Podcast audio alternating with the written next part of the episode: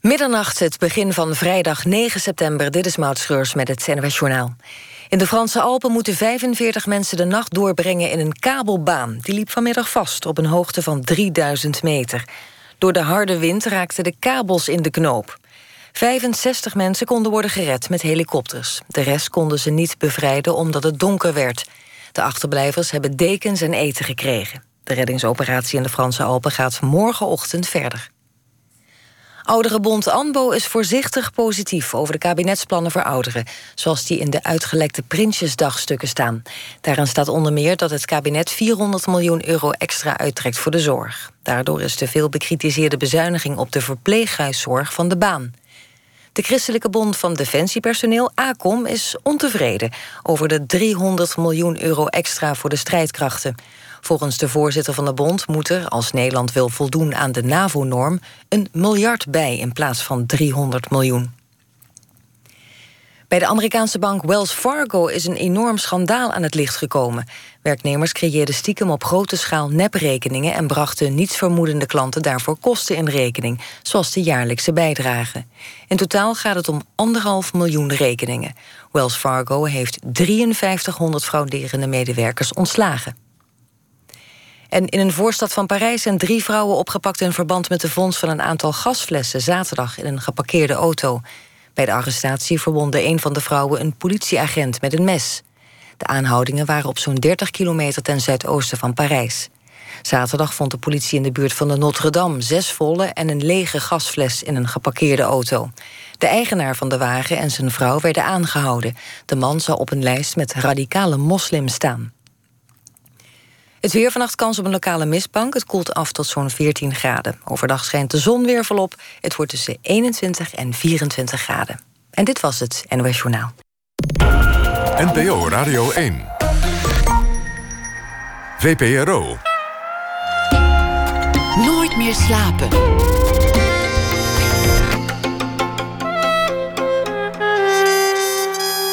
Met Pieter van der Wielen. Goedenacht en welkom bij Nooit meer slapen. Al 60 jaar draait hij mee. Naar aanleiding van een tentoonstelling praten we na 1 uur met striptekenaar Martin Lodewijk. Onder meer bekend van zijn figuur Agent 327. Marten Kaan komt op bezoek. Zij woonde een aantal jaar in Delhi in India en schreef in die tijd een roman. Wij houden alleen van onszelf. Maar we beginnen komend uur met Sarah Moeremans. De naam Moeremans zal in Nederland misschien niet meteen deuren openen of bellen doen rinkelen, maar in België wel degelijk, want Sarah stamt uit een familie van acteurs. Moeder, vader, stiefvader, grootvader, alles stonden ze op de planken of voor de camera. Niet gek dus dat Sarah koos om iets heel anders te gaan doen in haar leven. Maar ook weer niet heel gek dat ze later toch het theater in is gegaan. Als regisseur en actrice, geboren in 1979 in Gent, opgegroeid. Maar haar carrière speelt zich voor een groot deel af hier in Nederland. Bij het Noord-Nederlands toneel, bij het Rood Theater. Haar eigen groep, Moeremans Sons. En sinds dit jaar is zij een van de artistiek leiders van Oostpol. In Leiden gaat de komende vrijdag haar uh, derde deel van de reeks Ibsen Crash Tests in première. Dat is ook niet komende week uh, vrijdag, maar zeg maar morgen over een week. Mhm. En daarna gaan ze ook op reis met die voorstelling. Het is een stuk van de Noorse toneelschrijver Hendrik Ibsen. Maar dat wordt dan als het ware met hoge snelheid tegen de muur gesmakt. Daar uitgedeukt en dan is het ineens 2016. Wordt het er vanaf geschraapt. En dan is de vraag, wat betekent dat stuk nog? En wat is toneel nog waard tegenwoordig? En hoe is de wereld en wij zelf veranderd sinds de jaren 1800 zoveel? Hartelijk welkom, eh, Sarah Moeremans. Goeienacht. Ik denk in mijn achterhoofd aan de mensen, die, wat ik net hoorde in, in het radionieuws, die vastzitten in een skilift in de Alpen en een dekentje krijgen en daar de nacht moeten doorbrengen met elkaar. Ja. En ze hebben elkaar ook niet uitgekozen. En morgenochtend gaat de reddingsoperatie verder. Ja, dan ben ik uh, stiekem blij dat ik hier zit. Ja, toch? Dan valt, valt alles ineens relatief uh, mee. Ja, mee ja. Klopt. Je groeide op in een familie, want, want ik, ik, ik sprak het uit en toen, toen keek je al een beetje van: oh, gaan we op die tour? Je, groeide op in een familie vol theater. Overal ja. theater. Uh, jouw moeder, Gilda de Bol. Je, je stiefvader, Fik de Wachter. Dan heb je nog Fik Moeremans, Walter Moeremans, vader en opa. En allemaal echt grote namen in België. Ja, uh, ik uh, ontdekte een beetje uh, in mijn middelbare school dat het niet zo logisch was dat je hele familie in theater zat. voor mij was het een evidentie. ehm, het was gewoon zo. Ik heb me er nooit vragen bij gesteld. Tot men mij er vragen begon over te stellen. En toen werd ik er mij bewust van. En toen wou ik me er heel lang heel erg tegen afzetten en er nooit iets mee te maken hebben. En toen. Hoe kwam dat? Werd, werd er zo vaak naar gevraagd dat, dat, dat je de kriegel van werd? Um, er werd veel naar gevraagd. Uh, en ik uh, merkte ook uh, in mijn tienerjaren, wat dan natuurlijk elke tiener volgens mij heeft, ontzettend een noodzaak om mij daartegen af te zetten. En toen ben ik zelfs een jaar management en public relations gaan studeren, omdat ik iets helemaal anders wou gaan doen. Um, maar het bleek toch dat ik. Dat het een vorm van escapisme was. En dat ik uiteindelijk toch de keuze heb gemaakt uh, dat ik in dat medium verder wou. En misschien wel dat ik dat medium wou veranderen. En daarom ben ik gaan doen. Heb je als kind veel theater gezien? Ja, heel veel. Heel veel, heel veel. Meer, meer dan je lief was? Um, ik, ik, het, was, het, het was een evidentie. Um, ik, ik zag de eerste keer de Koopman van Venetië als ik drie jaar was. En ik kan niet zeggen dat ik daar ontzettend veel herinneringen aan heb. Behalve dat ik ergens vaag weet dat er een soort gouden standbeeld ergens stond. En, maar het was bij het naar theater gaan hoorde toen dat mijn haar ingevlochten werd en dat er linten in kwamen. En uh, dat ik uh, een programmaboekje kreeg. En ik vind het nog steeds ergens een schoon verhaal dat mijn moeder zei dat ze uh, door het uh, gordijn piept en dat ik helemaal alleen in de zaal zat met het programmaboekje. Uh, of het, met het programmaboekje dat ik heel ostentatief aan het lezen was. Alleen ik kon nog niet lezen, dus het was ondersteboven. en ik deed heel erg alsof ik het programmaboekje las. Ehm, het, het, het hoorde voor mij bij uh, naar school gaan. Uh, kunst en cultuur was gewoon een, iets waar je niet over nadacht. Dat deed je. Um, en het is veel later gekomen dat ik ga nadenken ben over, maar wat is dat dan? En uh, dat ik gaan ontdekken ben dat niet alle mama's op de scène stonden en dat niet en alle kinderen opa's... meenamen en niet alle ja, kinderen op precies. een derde de toneelstukken zagen. Ja. Maar, maar dat, dat invlechten van dat haar met, met, met een stukje lint erin, dat maakt het ook een bijzonder moment. Ja, ja. Ik dat, vond het is niet heel alledaags, toch nog steeds? Nee, het was duidelijk een ritueel. Uh, maar uh, een ritueel zoals dat er wekelijks is. Ik vond het in het begin ook best uh, een ding dat ik constateerde dat als ik in Nederland kwam wonen, dat mensen in hun kloffie naar de Schouwburg gingen het, het uh, was toch ergens dat, uh, de idee dat als je naar theater ging, dan ga je met z'n allen een ritueel doen en daar ga je niet in je joggingbroek naartoe. Ik denk dat ik daar nu misschien iets genuanceerder over denk. Um, maar het, het was. Um, het was iets waar dat je uh, publiekelijk naartoe ging. Je was ook publiek, daar hoorde ook iets bij. je was geen consument, zeg maar. Dat vind ik ook mooi van, van theater en, en opera en, en concerten. Beetje dat, dat 18e eeuwse. Dat je, dat je een vaste plek hebt in een schouwburg waar je je mooiste pak aan hebt. En ook kijkt wie er nog meer rondlopen. Ja. Het is ook een, een avond flaneren. Ja, ja, het is in ieder geval niet alleen achter je laptop. Uh, het is met z'n allen. En uh, ik denk ook dat dat uh, theater als medium iets meegeeft wat de andere media niet hebben.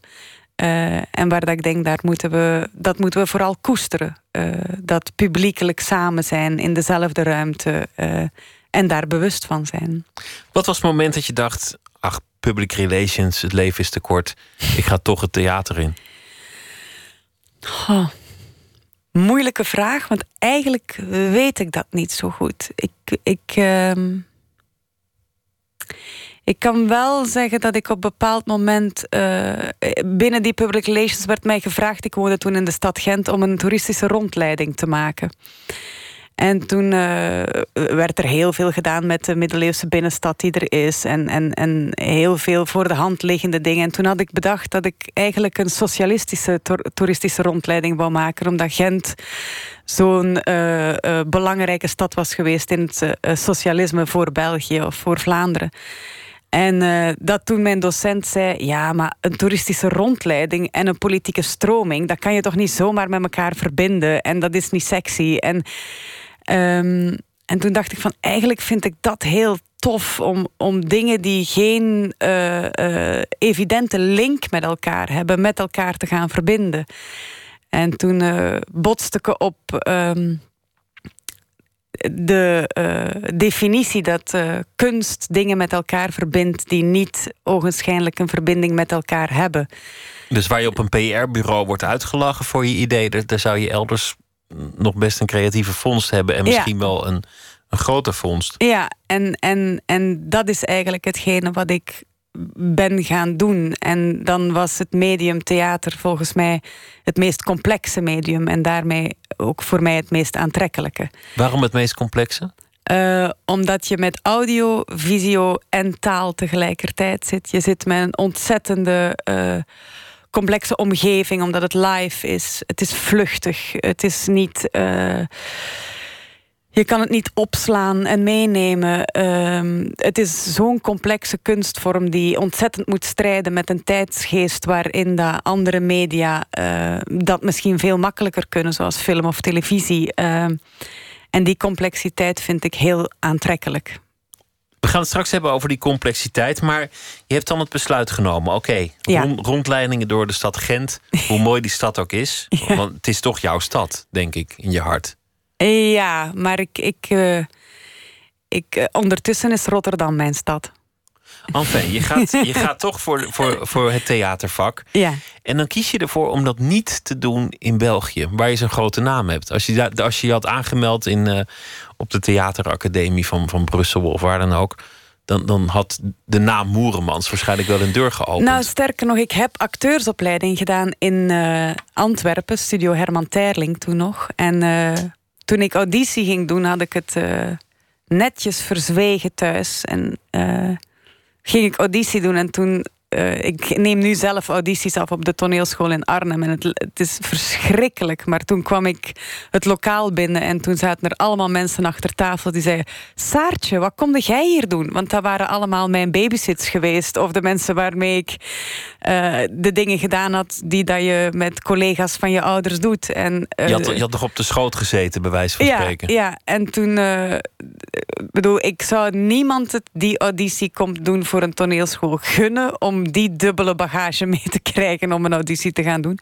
Maar blijkbaar ja, heeft me dat toch niet dermate afgeschrikt. En ben ik uh, auditie gaan doen, ben ik aan de toneelschool begonnen als actrice. En, uh, maar op een bepaald moment moest ik toch constateren dat ik heel veel zin had om tegen mijn klasgenoten te gaan zeggen hoe we het ook nog anders konden doen. En toen dacht ik, ik wil eigenlijk regisseren. Ik wil voorstellingen maken. En ik hou van het medium theater. Maar niet zoveel dat ik het wil conserveren. Ik wil het veranderen. En um, toen was er een beetje de mogelijkheid naar Brussel gaan. Of het verre Amsterdam. En um, toen had ik uh, begrepen dat in Amsterdam de opleiding eh, iets klassieker was. In de zin dat je veel repertoire moest lezen. En ik kwam van, van een acteursopleiding waar dat wat jij doet, uh, zoek het binnen jezelf. En ik had heel veel nood aan een beetje degelijker theorieonderwijs. En zo ben ik in Amsterdam beland. En daar stiekem aan gelinkt was misschien ook wel... als ik hier wegga, ben ik niet meer Saartje... Maar ben ik Sarah Moeremans die niemand kent. En, en heb je dus ook de kans om, om zelf helemaal vorm te geven wie je wordt in de ogen van een ja, ander. Ja, ja, en ik, ik, heb, uh, ik heb nooit zeg maar, de luxe gehad dat ze me geholpen hebben met iets daarin. Maar ik heb wel altijd de luxe gehad dat ik wist dat wat ik veroverde, dat dat alleen op eigen konto was. En uh, dat vond ik zeer waardevol ze hebben me nooit geholpen. Ze hebben in tegendeel eigenlijk altijd gezegd: jij moet het zelf doen. En ze hebben wel afgevraagd hoe dom ik kon zijn dat ik dit medium koos. Ik die zo goed wist hoeveel ongeluk het ook kon brengen, omdat je elke keer opnieuw moet beginnen en het nooit weet en blijven zoeken. En... De vele nadelen van het vak, want, want die zijn, zijn ontelbaar eigenlijk. Ja, niemand zit op je te wachten. En toen ik regieopleiding ging doen, zei eh, de regisseur waar mijn ouders heel veel mee werkten, Luc Perceval, tegen mij: Je weet toch dat als je dit gaat doen, dat als de voorstelling geslaagd is, dat het dankzij de acteurs is en als het mislukt is, dat het jouw schuld is. Toen dacht ik: Ja, dat kan wel allemaal. Um, maar blijkbaar vind ik dat dan toch niet zo belangrijk. Het mooie daarvan is, als je al die nadelen gehoord hebt, dan weet je ook meteen of er een werkelijke drang is om dit te gaan doen, of de noodzaak heeft of niet. Ja. En als je nu kijkt naar je familie, hè? nog Mhm. steeds beroemd in België, en hier zijn het wel acteurs die iedereen van gezicht kent of wel eens gezien heeft, maar niet, niet echt namen die heel erg eh, voor in het bewustzijn zitten. Ben je er dan ook wel trots op? Is, is het afzetten opgehouden? Is het geen last meer, je naam? Nee, het is absoluut geen last meer. Ehm, ik kan zeggen dat ik trots ben op wat zij doen en deden. En eh, met de leeftijd. En eh, wat ze deden in de zeitgeist toen dat het allemaal stormend was. Maar ik ben ook trots dat ik andere dingen doe. En ik ben ook trots dat wij kunnen meningsverschillen hebben ondertussen. Ehm, Dat moet ook wel, want jij wilt medium veranderen. ja, Dus als de vorige generatie zou zeggen: wat, wat leuk wat je doet, ja, ja. altijd, dan Ja. zou je niks veranderen, vermoedelijk. Ja, maar daardoor hebben we ook nog een gesprek.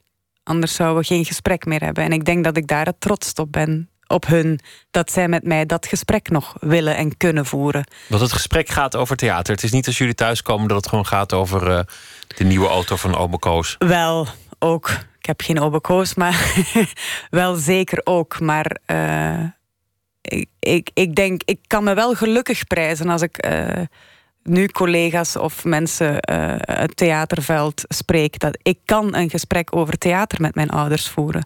Dat is niet evident. Ze hebben niet de bewondering van.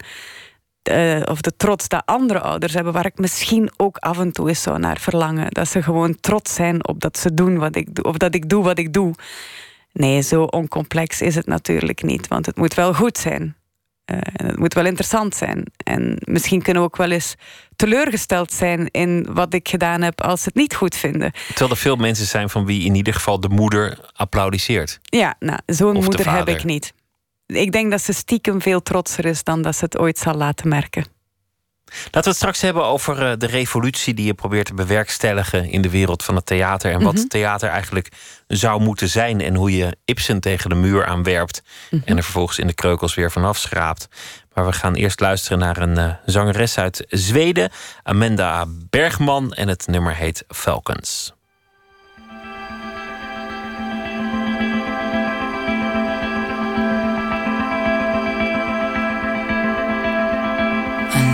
Fire's slow, lock and leave it go. I ain't never been so hurtful before, leaving love in the haze. Falcons circling for days, always firing up another sin, following the stream so carefully, trying to find another piece of the map. They were just fields out here. Never get it right. Eating easy, getting closer. No, I could never dance like you. Keep getting wrong, keep getting wrong. And by the second that we fall, we must sail on.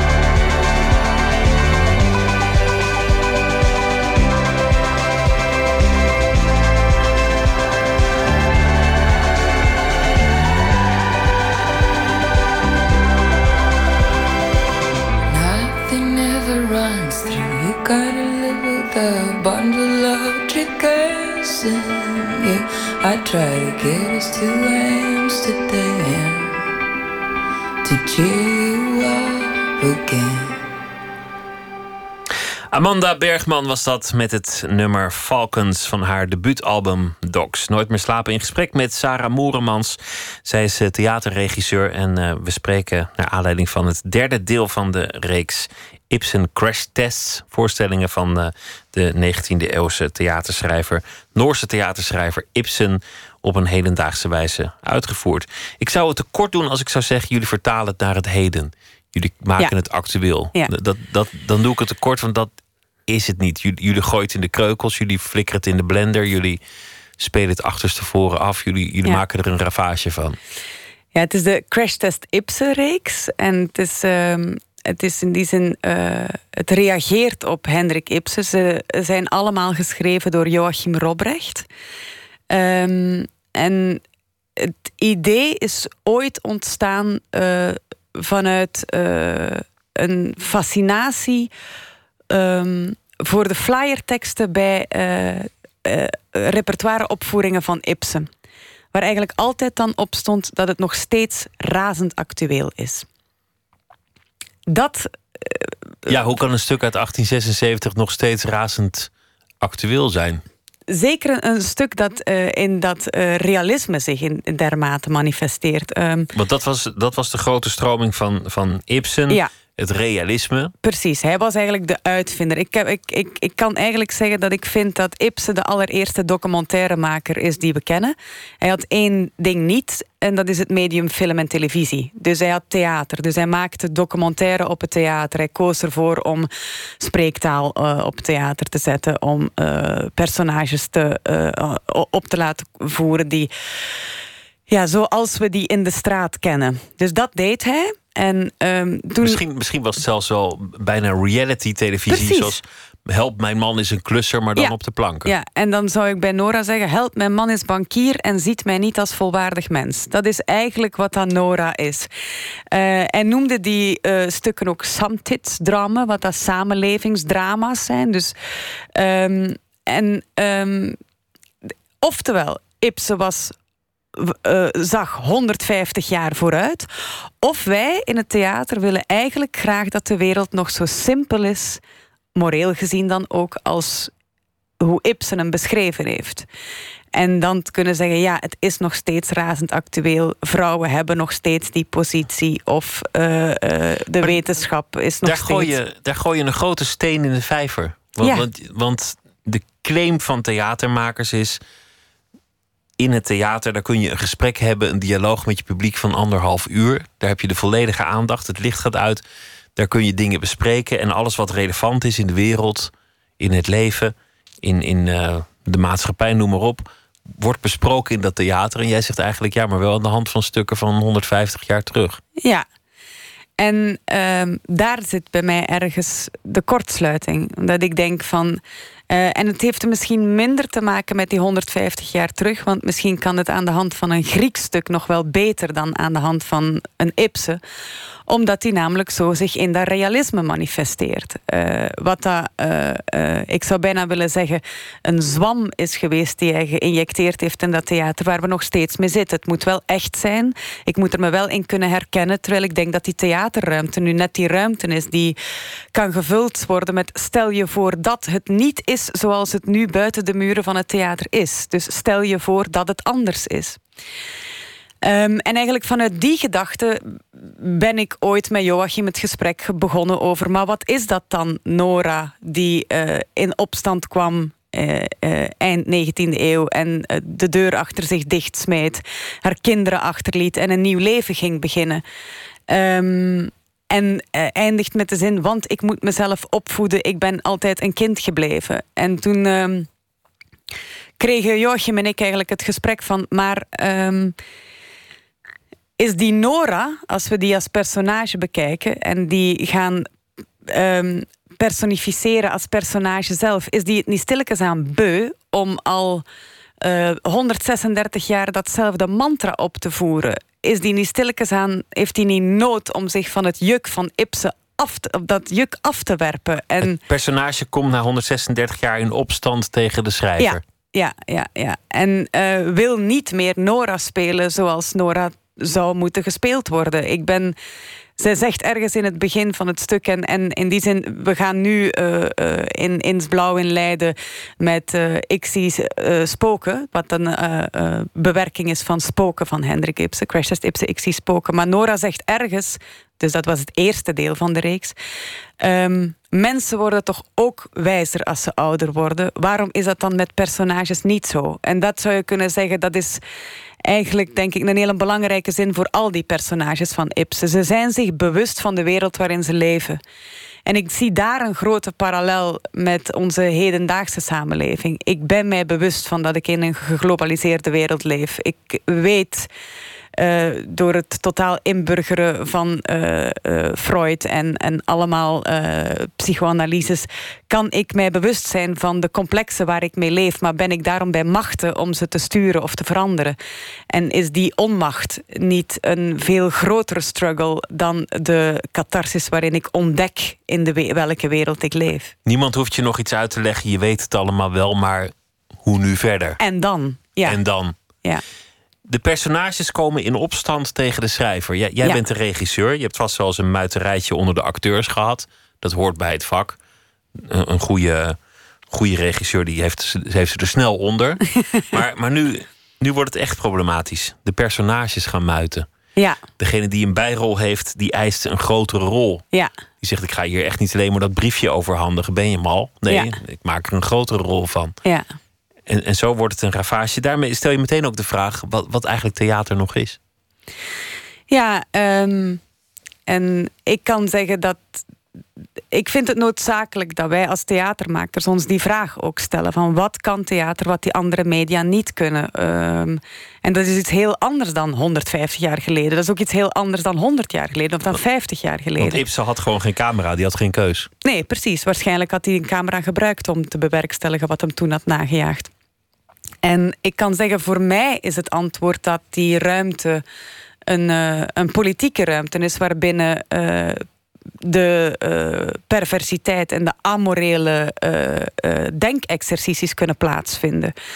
Um, en waarom binnen die ruimte is, omdat als je het buiten die ruimte doet, dan vloeit er bloed en slaag je wonden. Maar binnen die ruimte kunnen wij ons vragen stellen die misschien niet heel politiek correct zijn of die pervers zijn. Of, uh... Je kunt in een theater, omdat je min of meer onder elkaar bent, de deur gaat dicht, het licht gaat uit, kun je dingen die je op televisie nooit zou kunnen.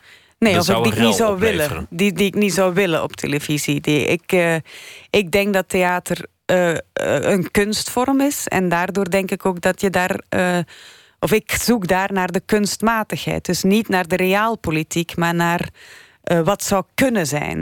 Um, en ik denk, het is langs de ene kant veilig, want je zit met z'n allen binnen die muren. Maar langs de andere kant zit daar ook het gevaar in dat je binnen die muren um, dingen kan proberen die uh, veel verder gaan dan dat je dat buiten die muren zou willen. Noem eens iets. Um, nou ja, bijvoorbeeld. Uh, een van de gedachten die bijvoorbeeld eh, vaak, en dat is dan nu niet specifiek in de Crash Test Ibsen-reeks, maar die ik me vaak stel, is: zijn wij eh, als mensen op dit moment zonder God speelt nog in staat om over onze eigen dood na te denken?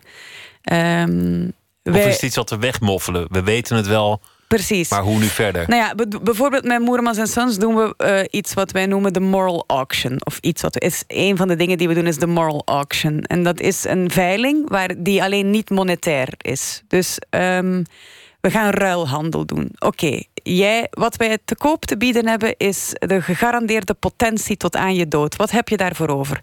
En het geld dat je krijgt, want het is een spel, net als Monopoly een spel is, krijg je geld. En nou ja, daar zetten mensen nogal makkelijk voor in dat ze een landmijn leggen. Dat zijn morele spellen die ik denk die dat we niet willen voeren buiten de muren, maar wel binnen de muren van het theater. En op die manier eigenlijk ons heel bewust worden van ons denken of van de relatie tussen mijn eigen belang en een collectief belang. Maar wat, even voor mijn begrip, dan, dan hm.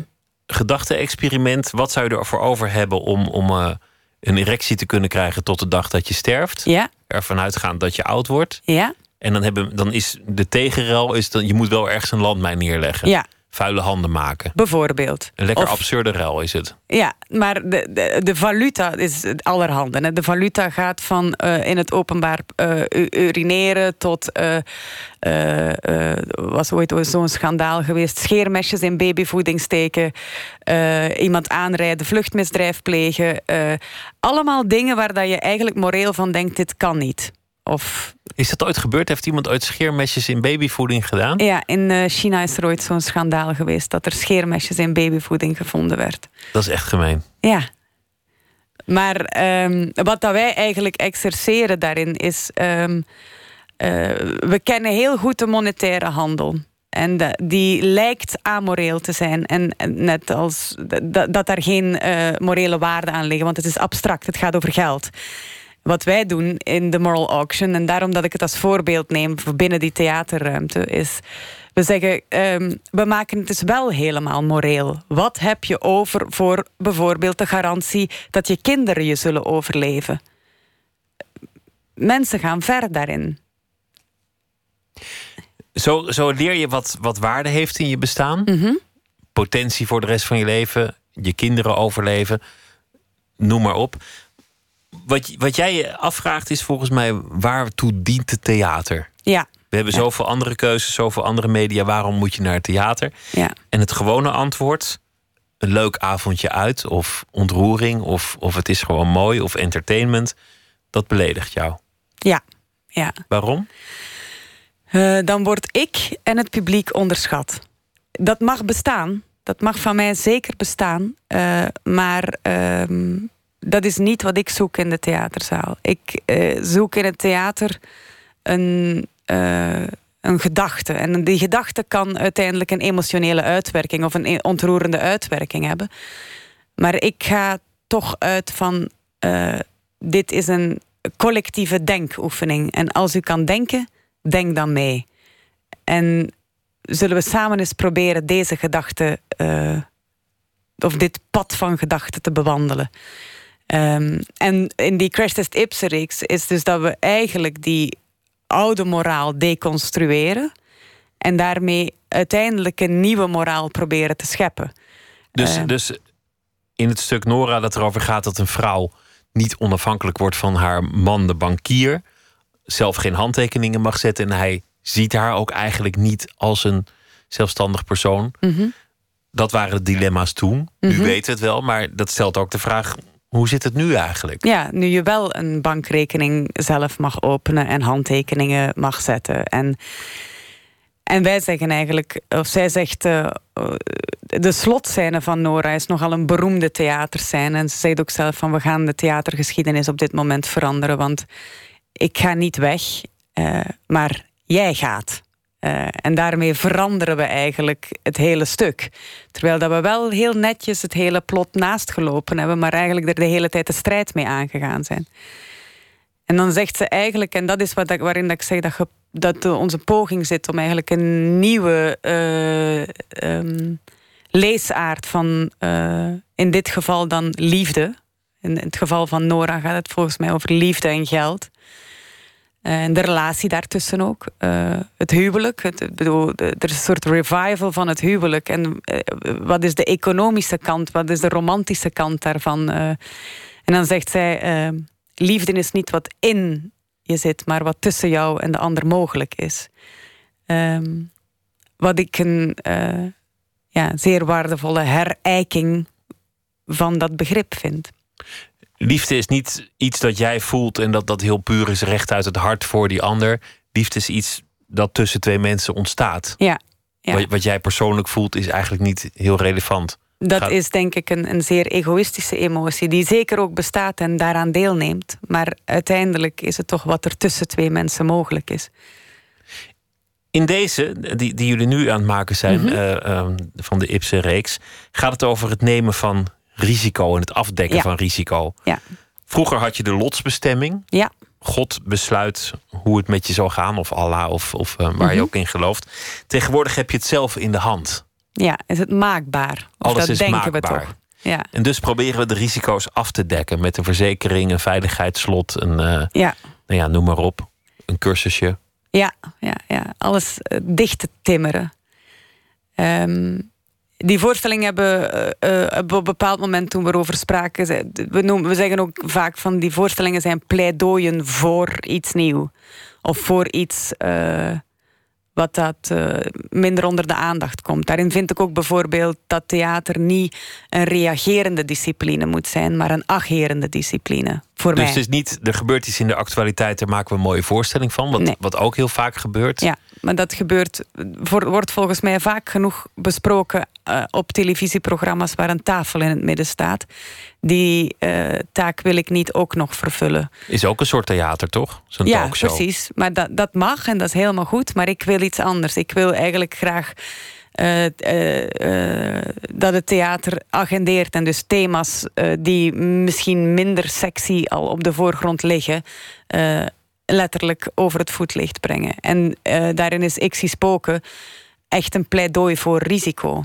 Maar op een, op een manier die je niet in een opinieartikel of een ingezonden brief zou kunnen doen. Nee, nee. Het mooie aan theater is, je hebt mensen anderhalf uur tot je beschikking. Ja, Er is intimiteit. ja, Je kunt dingen doen die je, die je daarbuiten niet zou durven of niet zou willen. Het zou mensen beledigen, maar je bent onder elkaar.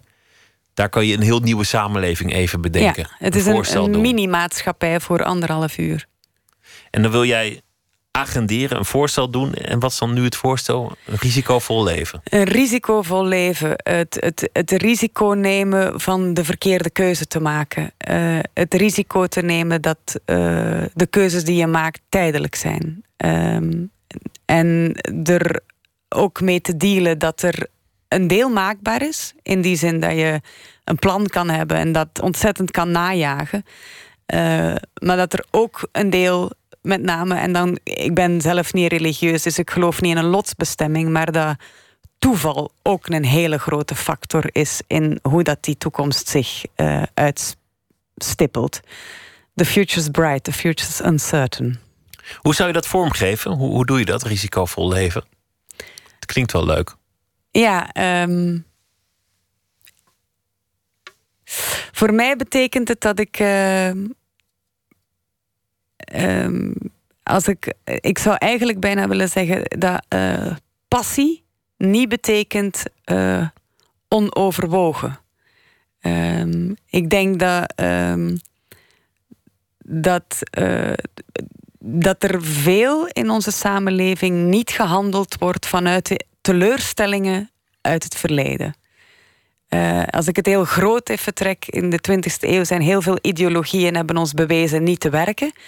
En dat nu bijna het begrip ideologie besmuikt is met begint er maar niet aan, want het corrumpeert, want het leidt uiteindelijk tot. Ehm, neem het risico van is eh, een keuze te maken die moeilijk is misschien. Ehm, en waar dat heel veel bewijzen in de geschiedenis liggen van dat het niet kan lukken, maar dat toch te doen.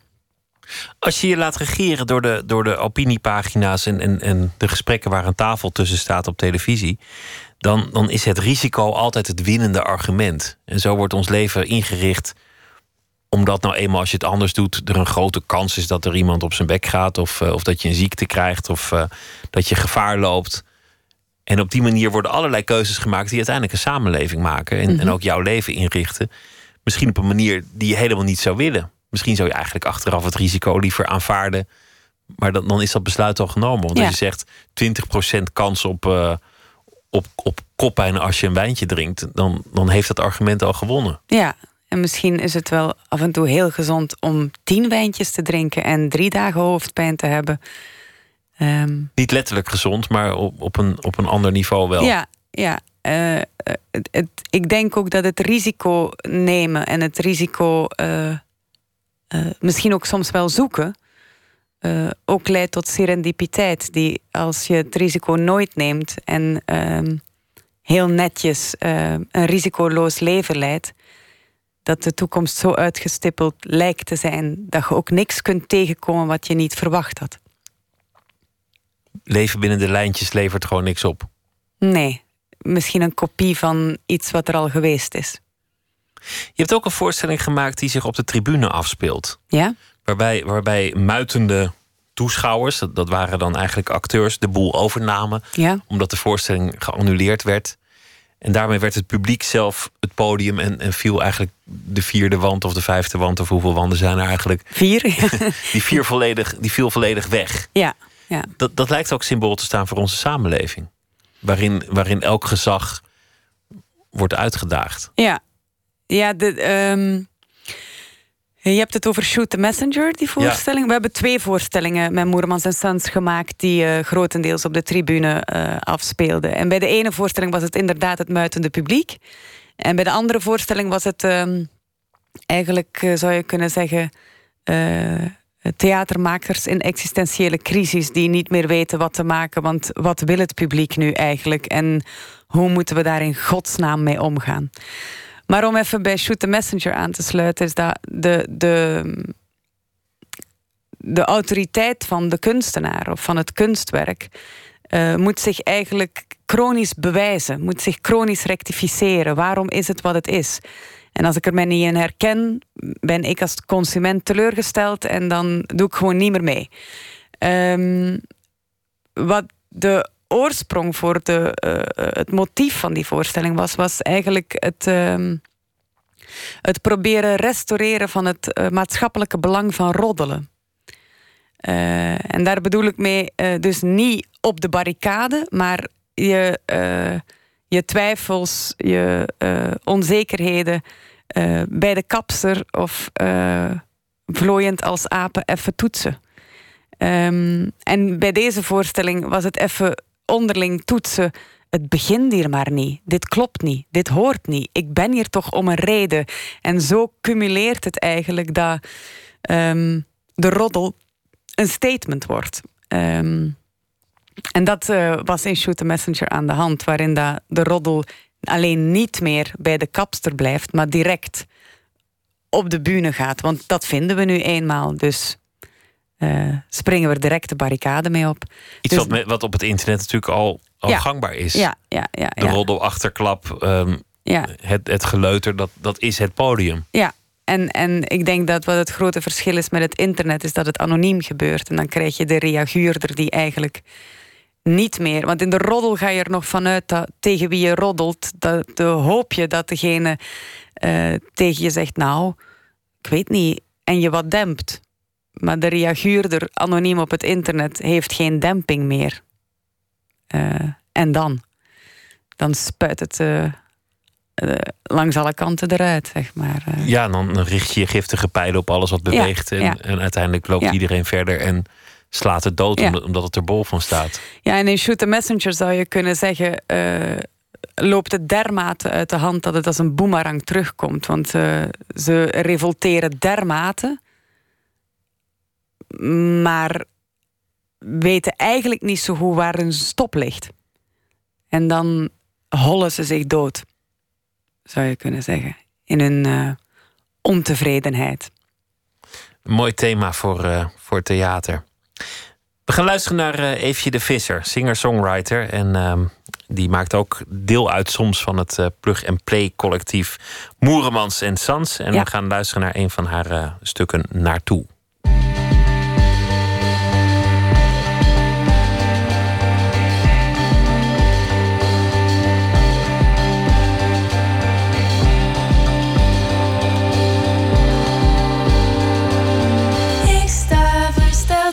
Lang.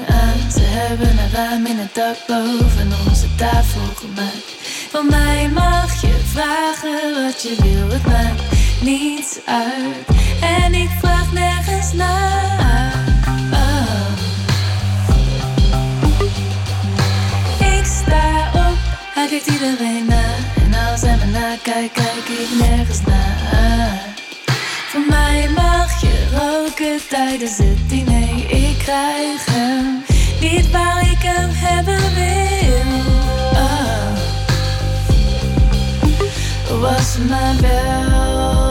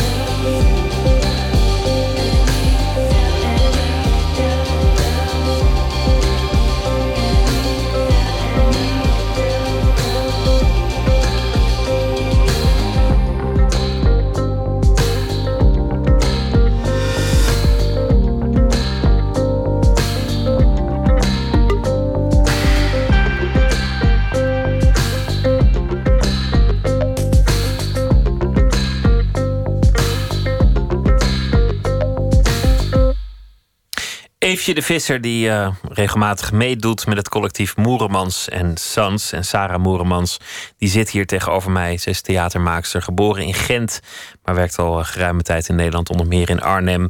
En uh, nou ja, ook op heel veel andere plekken trouwens. We hebben het gehad over je opvattingen over theater en, en hoe je dat vak in bent gerot. En gaandeweg zei je een aantal dingen die wat meer gingen over, over de maatschappij en, uh, en het bestaan. We weten het allemaal wel, maar ja, hoe nu verder?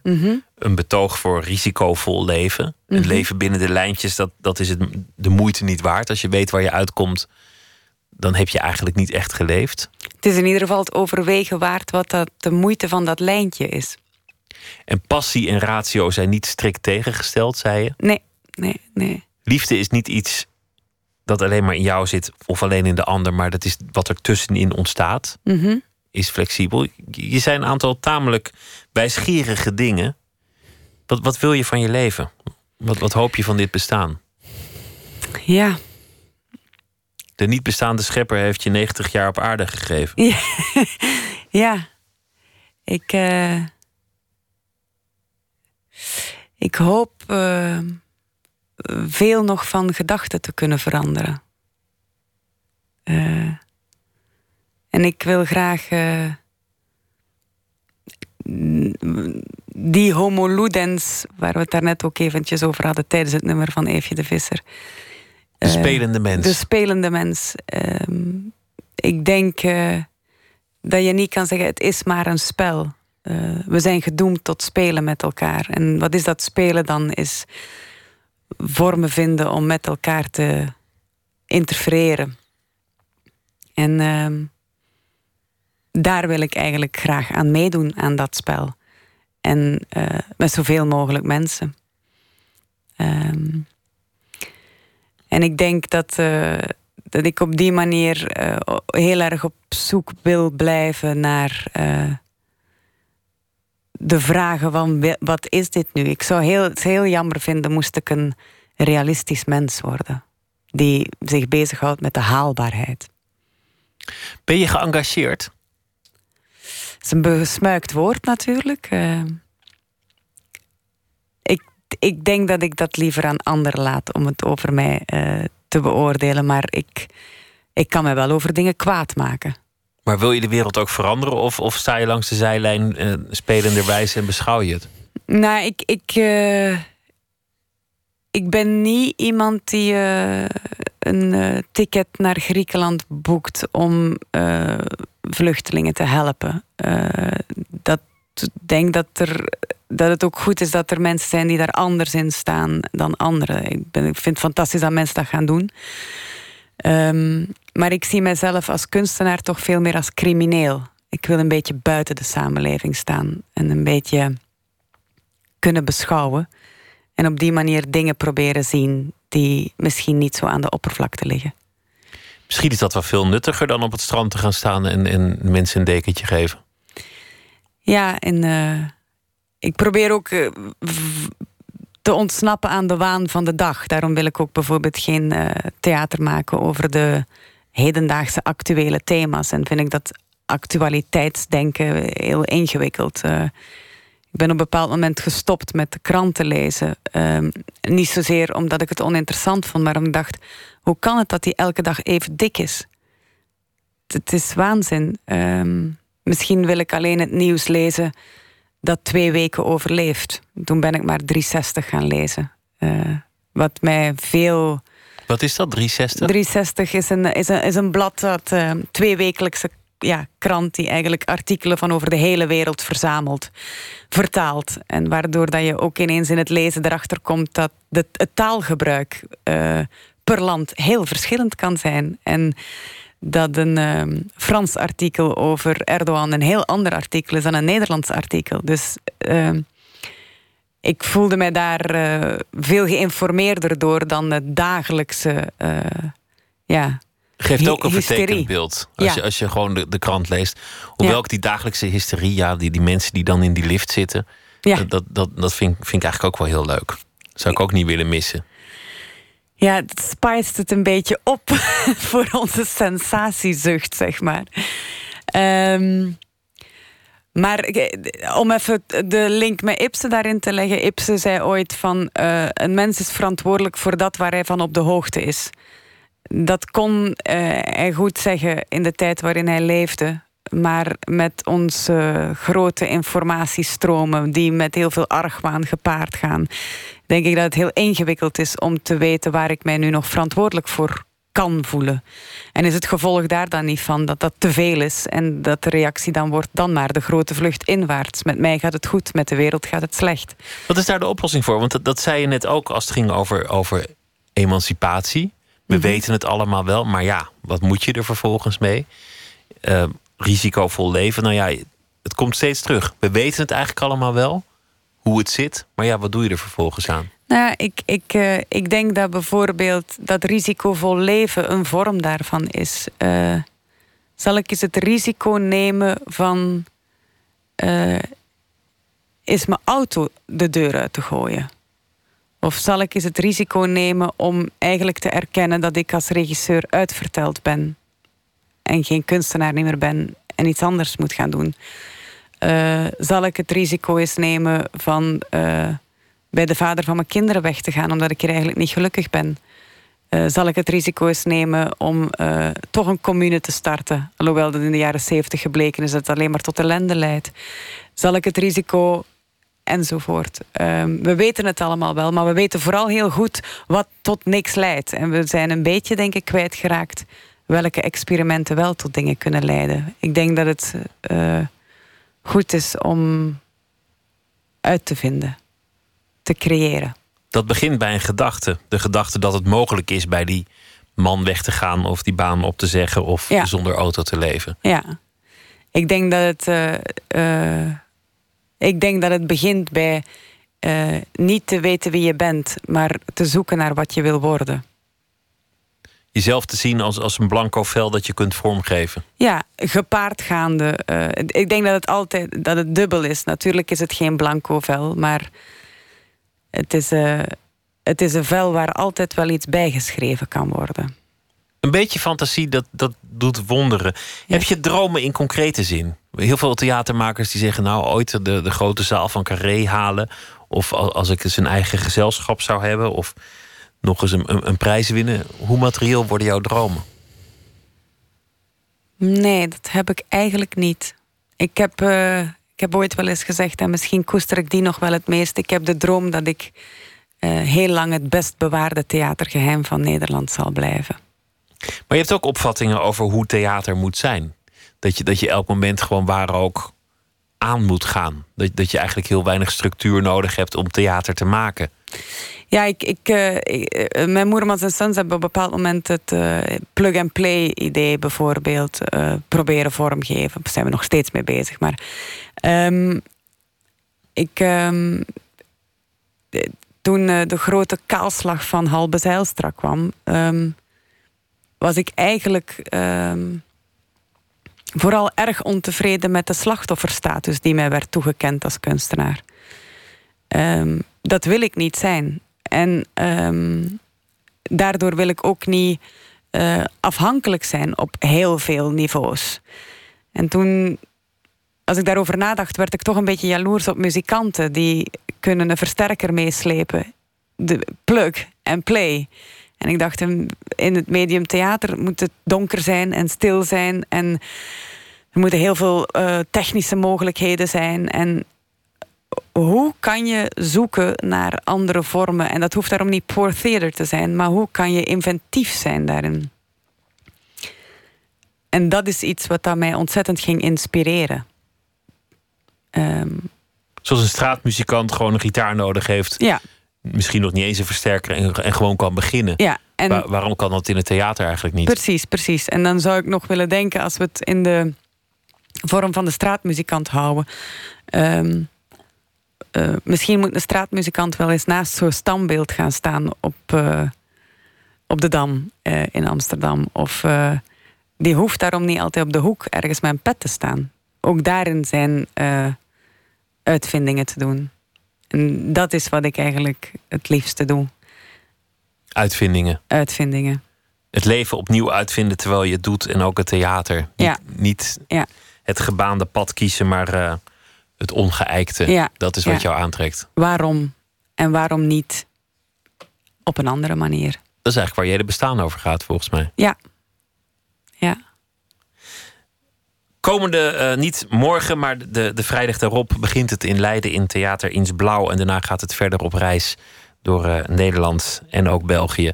Ja. En ik wens jullie eh, ontzettend veel plezier met het derde deel van de crashtest Ibsen.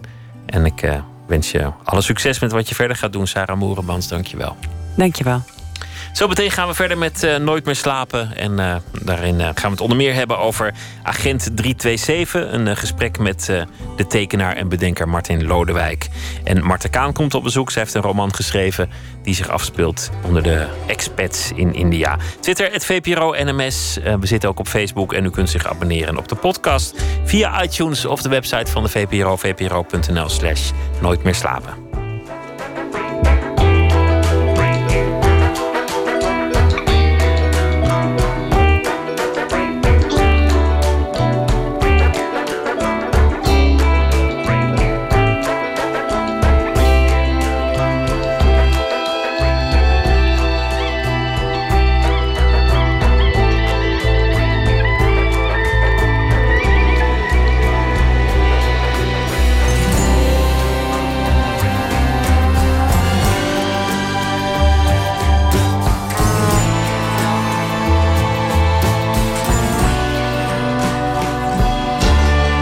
Radio 1.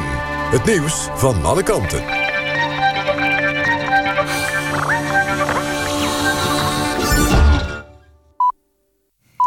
Het is 1 uur, dit is Maud met het NOS Journaal.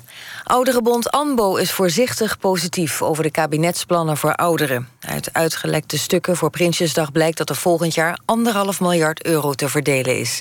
Zo'n 400 miljoen daarvan gaat naar de zorg. De koopkracht gaat er voor bijna iedereen 1% op vooruit. Dat doet het kabinet door onder meer de zorgtoeslag en de ouderenkorting te verhogen. Verder gaat er meer geld naar veiligheid en justitie en naar defensie. Presentatrice Debbie Raukens van Omroep West stapt op... uit protest tegen de salarisverhoging van directeur Gerard Milo. Die kreeg twee jaar geleden een bonus van bijna 14.000 euro... terwijl de omroep uit Den Haag een verlies boekte van 3 ton. Na veel ophef werd die bonus teruggedraaid. Maar deze week ontdekte RTL Nieuws dat het ingetrokken extraatje... werd gecompenseerd met een salarisverhoging van 1000 euro per maand... terwijl Omroep West nog altijd ruim een miljoen euro moet bezuinigen. In de Franse Alpen moeten 45 mensen de nacht doorbrengen in een kabelbaan. Die liep vanmiddag vast op een hoogte van 3000 meter.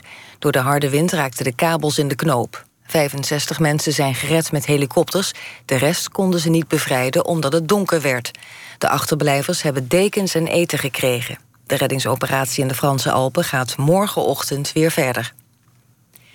En bij de Amerikaanse bank Wells Fargo is een enorm schandaal aan het licht gekomen. Werknemers creëerden stiekem op grote schaal neprekeningen... en brachten hun nietsvermoedende klanten daarvoor kosten in rekening... zoals de jaarlijkse bijdrage. In totaal gaat het om anderhalf miljoen rekeningen. Wells Fargo heeft 5300 frauderende medewerkers ontslagen. Het weer, vannacht kans op een lokale mistbank. Het koelt af tot een graad of 14. Overdag schijnt de zon weer volop. Soms een stapelwolk. Het wordt tussen 21 en 24 graden. En dit was het NOS Journaal. NPO Radio 1. VPRO. Meer slapen.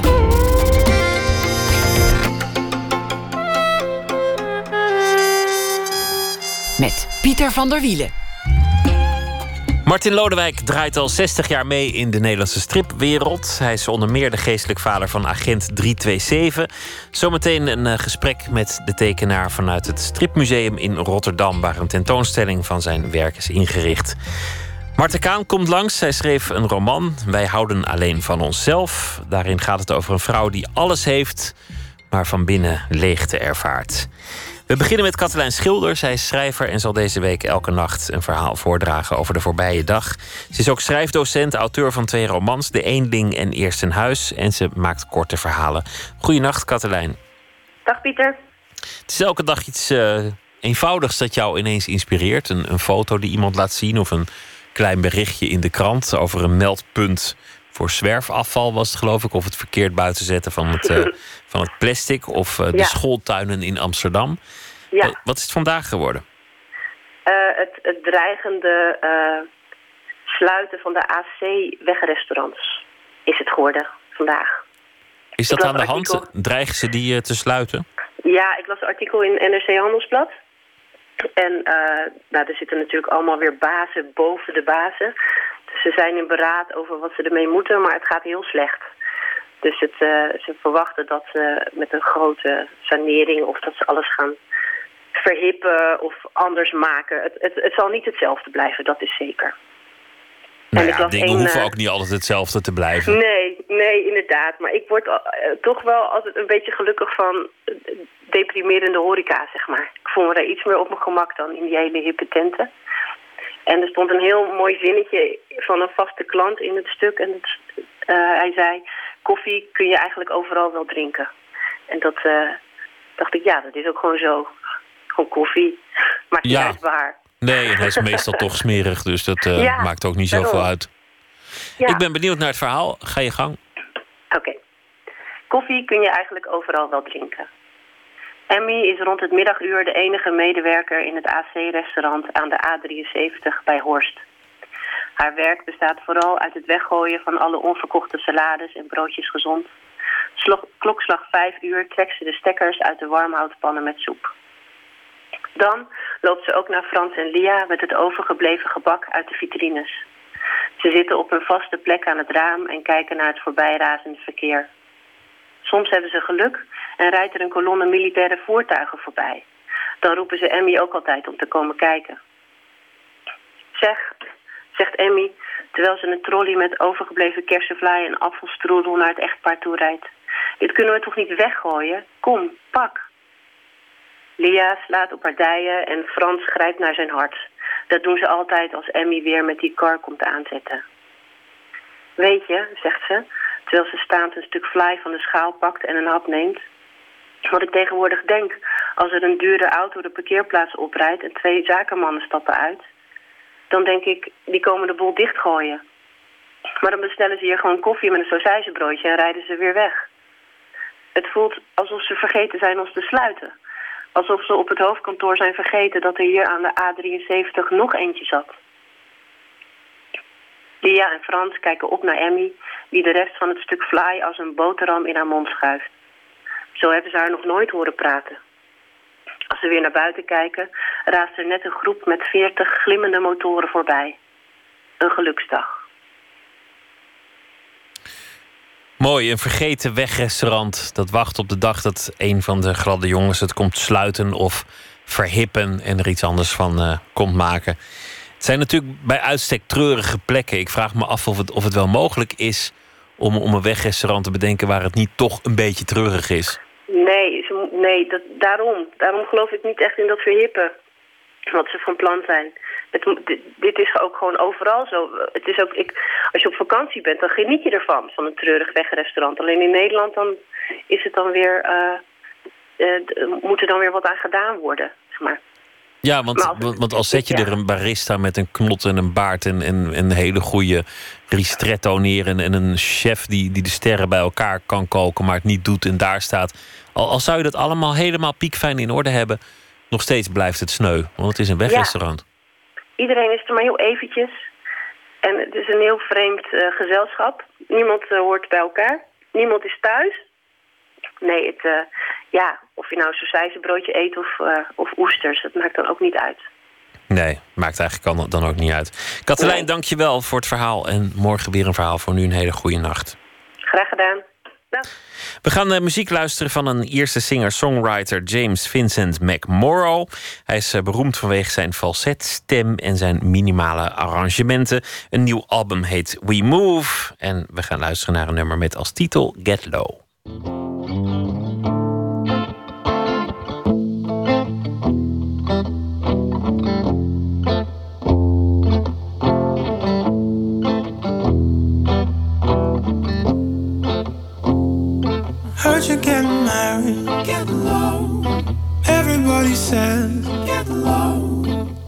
Low. Man alive. Get low.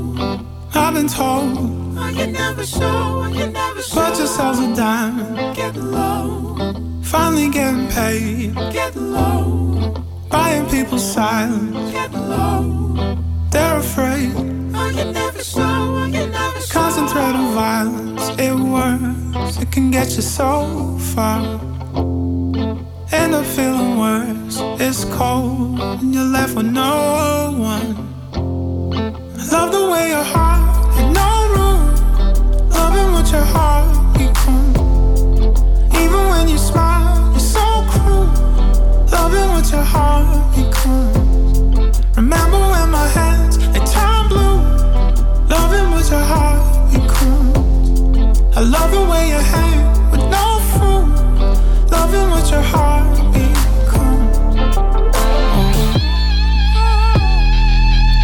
what your heart become. What your heart become. How we get light out here in LA. Trying to be the man you need every day. You never show, you never show. right now. I didn't like the way. It's hard to stay inspired. Stay awake. And struggling in darkness, it works. It can get you so far. But digging in the dirt gets old, and you're left with no one. I love the way your heart had no room. Loving what your heart becomes. And even when you smile, it's still cruel. Loving what your heart. Remember when my hands in time blue, loving with your heart and cool. Loving when you had no fool. loving with your heart being cool. Your heart being cool. With your heart being cool, gathering a sound. Dropping to knees. Praying for forgiveness from you. Begging please. Clapping like we mean it. And nothing's ever changed. Everything about it always stays the same. I love the way your heart had no room. Loving what your heart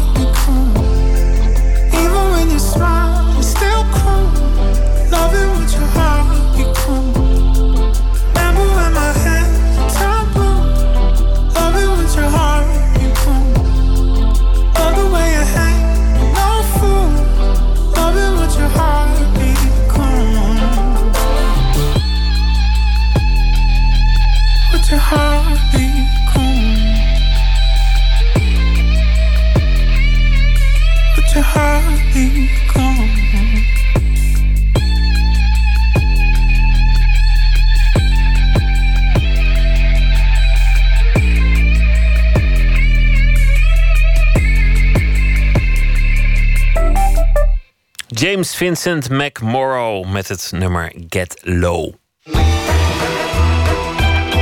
Nooit meer.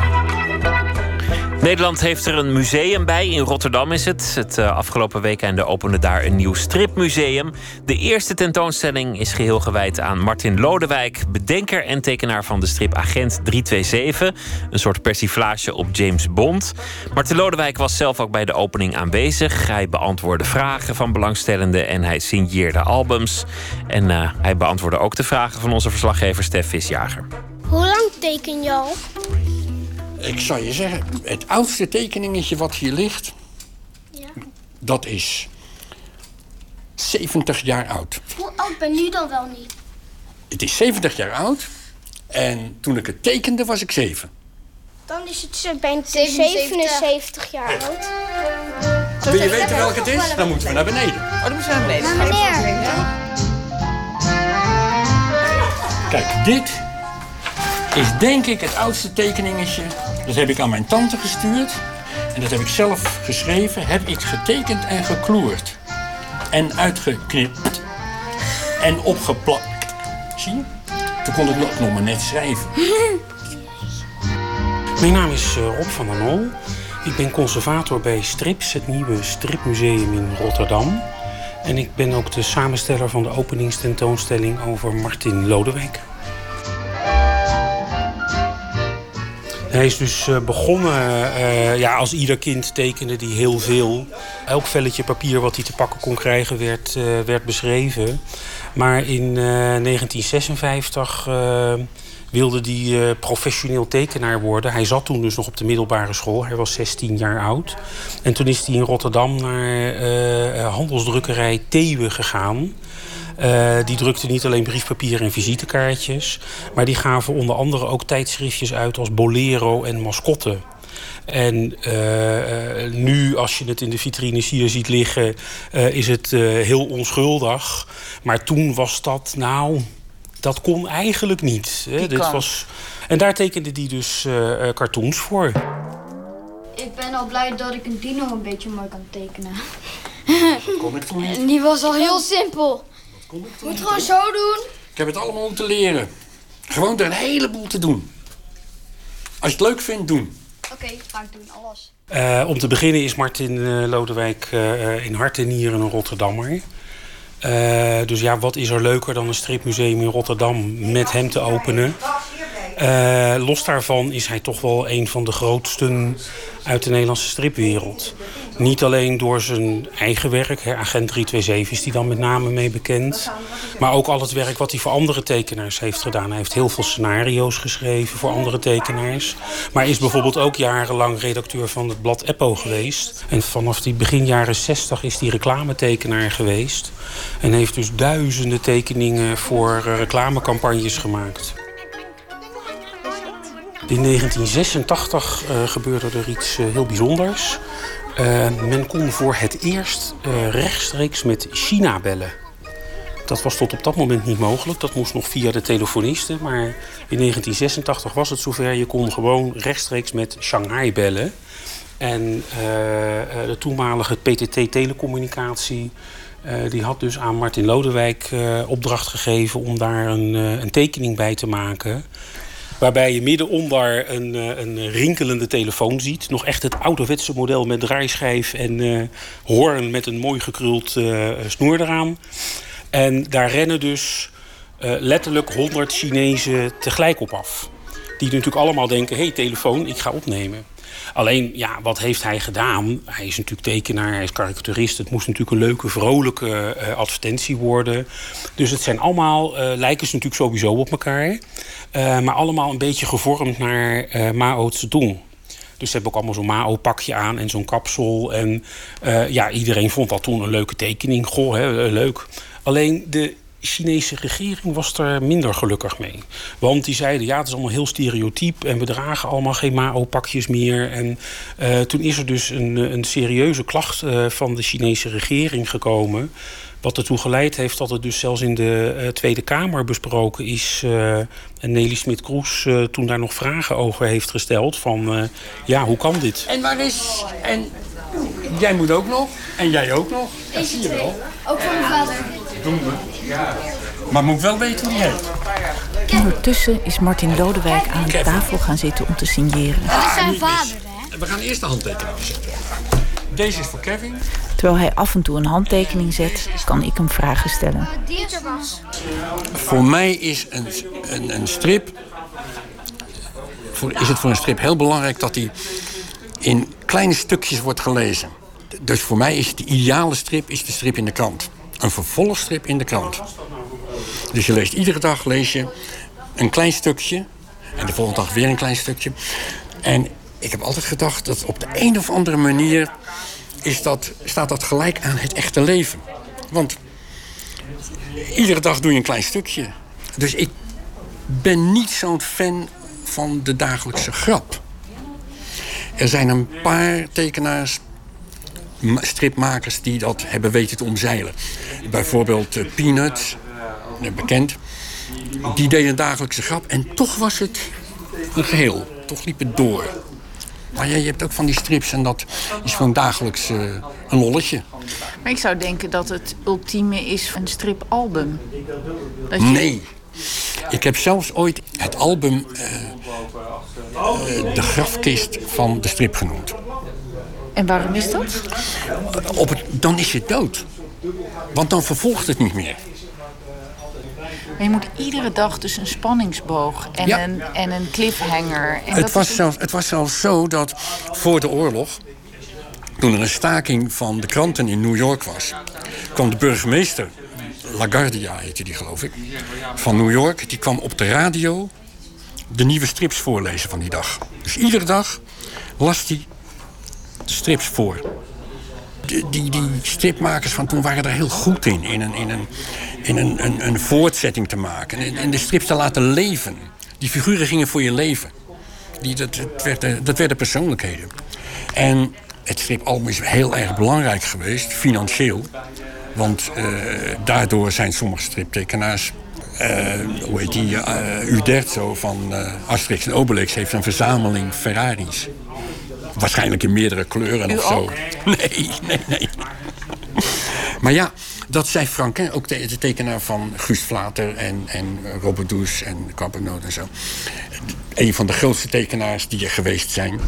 Eh, ik stond in zijn studio en daar zie ik een origineel van hem hangen. En ik zie die lijnen. Ik zeg tegen hem: God, hoe kom je er ooit toe om zo'n prachtige lijn te maken? Ja, zegt hij, gewoon veel doen. Dus sindsdien zeg ik dat ook tegen al die kinderen. Veel doen. Maar wanneer is een lijn prachtig? Ja, dat. Dat moet je aan mij vragen. Ja.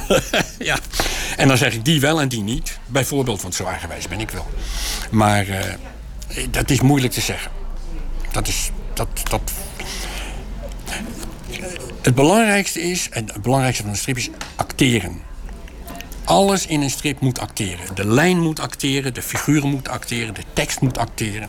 En dan heb je goede acteurs en je hebt slechte acteurs. Maar ook Net als op de televisie en op, de, op het toneel en zo. bent u ehm, steeds beter geworden? Eh, soms wel en soms niet. Eh, Dat is. eh, ik moet soms een, een oud album restaureren. Dus dan eh, wordt de tekst die wordt opnieuw geschreven. In die beginalbums, toen ik begon met strips tekenen, werden die teksten werden door een studio erin geschreven. Dat gebeurde soms heel lelijk. En die werden door een studio ingekleurd en dat gebeurde soms ook heel lelijk. Dus nu zijn we mijn eerste albums zijn we aan het restaureren. Dat wil zeggen dat we eh, de teksten door mij erin laten zetten. En de kleur ook door mij of door mensen die ik goed vind. Dus nou wordt het mijn album.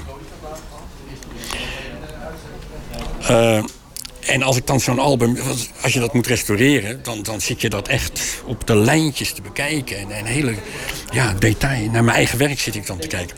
En dan soms denk je, mijn god, hoe heb ik het kunnen doen? Zo goed zit het in elkaar. Zo goed of zo slecht.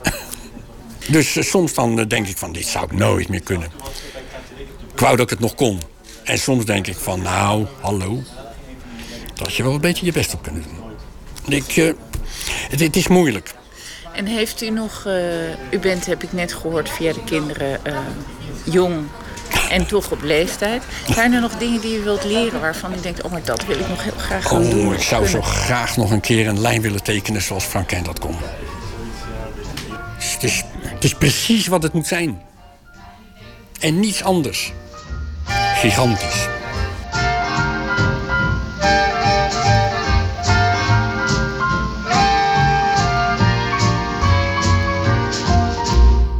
Martin Lodewijk eert de grote meester Franquin. De tentoonstelling over Martin Lodewijk is te zien tot 20 november. Het museum geeft ook een eh, prachtige catalogus uit van zijn werk. En die is ook eh, verkrijgbaar in het museum. Een bijdrage van Stef Visjager was dat. Een Ierse singer-songwriter en eh, nou, de tweede alweer vandaag. Lisa Hennigan, die begon als vaste zangeres van Damien Rice. Ze heeft eh, zeven jaar met hem getoerd. In 2008 ging ze solo. En dit is van haar derde album, At Swim, het nummer Snow.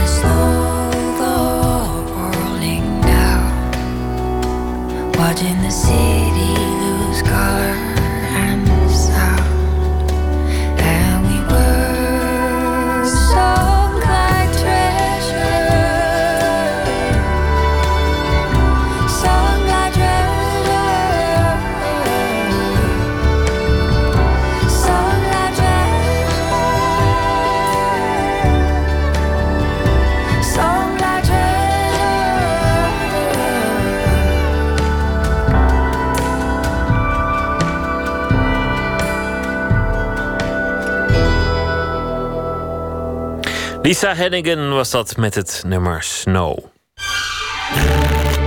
Open kaart.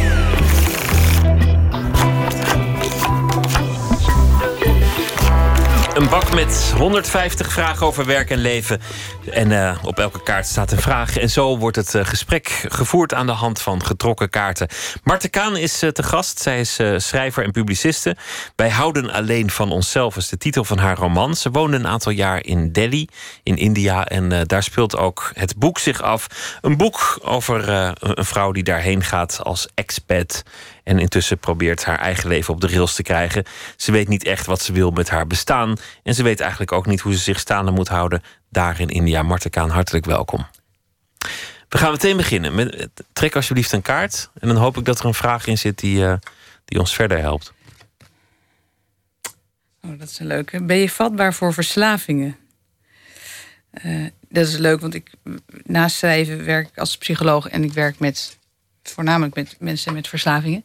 Dus ik denk er heel veel over na. Ehm, en ik denk dus dat ik daarom kan zeggen dat ik er eh, niet. Dat, nee, ik ben er niet vatbaar voor.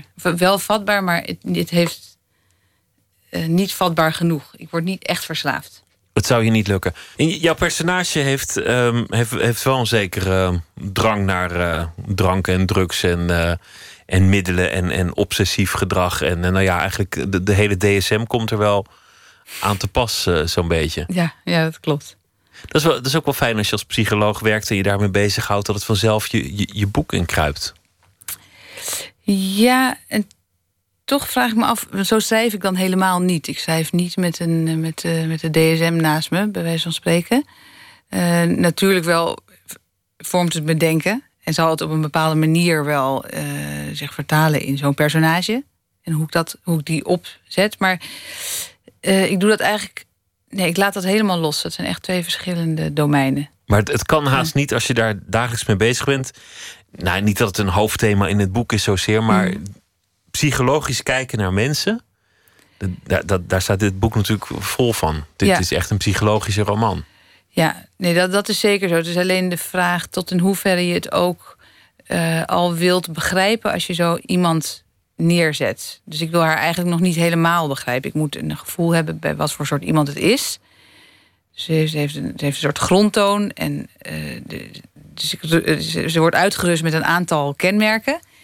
En dan moet, ze zich, dan moet ze ook nog wel gaan ontstaan. En als ik dan al te veel ga nadenken over haar in psychologische termen, dus al alsof ik haar helemaal ga diagnosticeren, dan eh, zit ik al veel te vast. En het zou het ook geen spannend personage zijn als het gewoon perfect zou gehoorzamen aan één diagnose. Ja, precies. Wie doet het ooit zelf?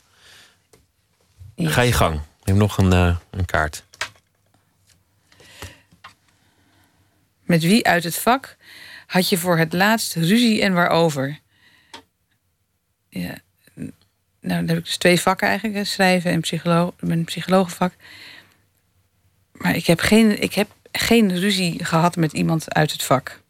En uit, geen, geen van beide Je vakken. maakt geen ruzie in, in welke Ik maak- hoedanigheid ook. Ik maak zeker ruzie, maar, maar eh, Niet op de werkvloer. Nee, eigenlijk niet.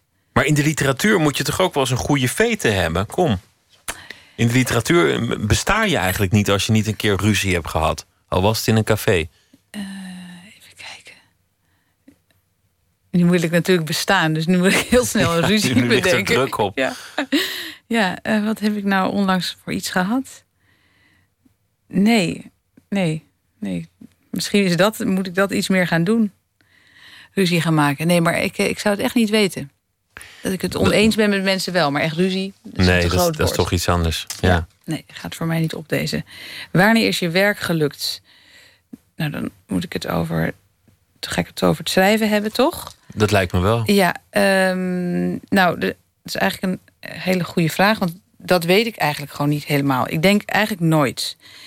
Ehm, eh, en dat is wel inherent aan hoe ik, eh, aan mij. Ik denk dat ik altijd wel iets zal vinden wat niet gelukt is.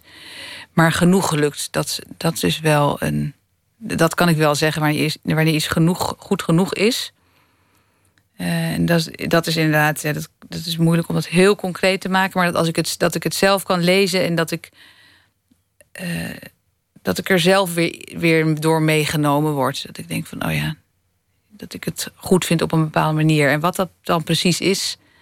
En dat zit hem echt in alinea's en in bladzijden. Ik, heb, ik kan nu, met dit boek begint het nu langzaam te komen. Dat ik er meer afstand van kan nemen. Maar ik vind dat heel erg lastig. Om dat echt zo helemaal te zeggen, dit is helemaal gelukt. Het mooie aan, aan een boek is dat het gedrukt is. En oké, bij een tweede druk, bij een derde druk zou je nog een kleine wijziging kunnen aanbrengen. En het is ook wel eens gebeurd dat, dat iemand een heel alternatief einde aan zijn boek heeft eh, eh, geschreven. Arjen Lubach heeft dat geloof ik met zijn, met zijn eh, thriller gedaan. Dat hij meerdere varianten met meerdere eindes heeft gepubliceerd. Maar in de regel is het eenmaal af en kun je er eigenlijk nooit meer op terugkomen. Ja. Dat vind ik ook wel mooi, maar ook beangstigend lijkt me als je het schrijft. Ja, gek, genoeg vind ik, is, dat, dat is het eigenlijk niet zozeer wat ik het, dat vind ik niet zozeer beangstigend eraan. Want op zich eh, kijk ik denk ik toch heel anders naar wanneer iets wel of niet gelukt is. Want natuurlijk heeft de verhaallijn, dus het he- de hele plot maakt natuurlijk heel erg uit. Eh, en tegelijkertijd ligt daarin voor mij toch ook weer niet de, helemaal de kwaliteit van een boek.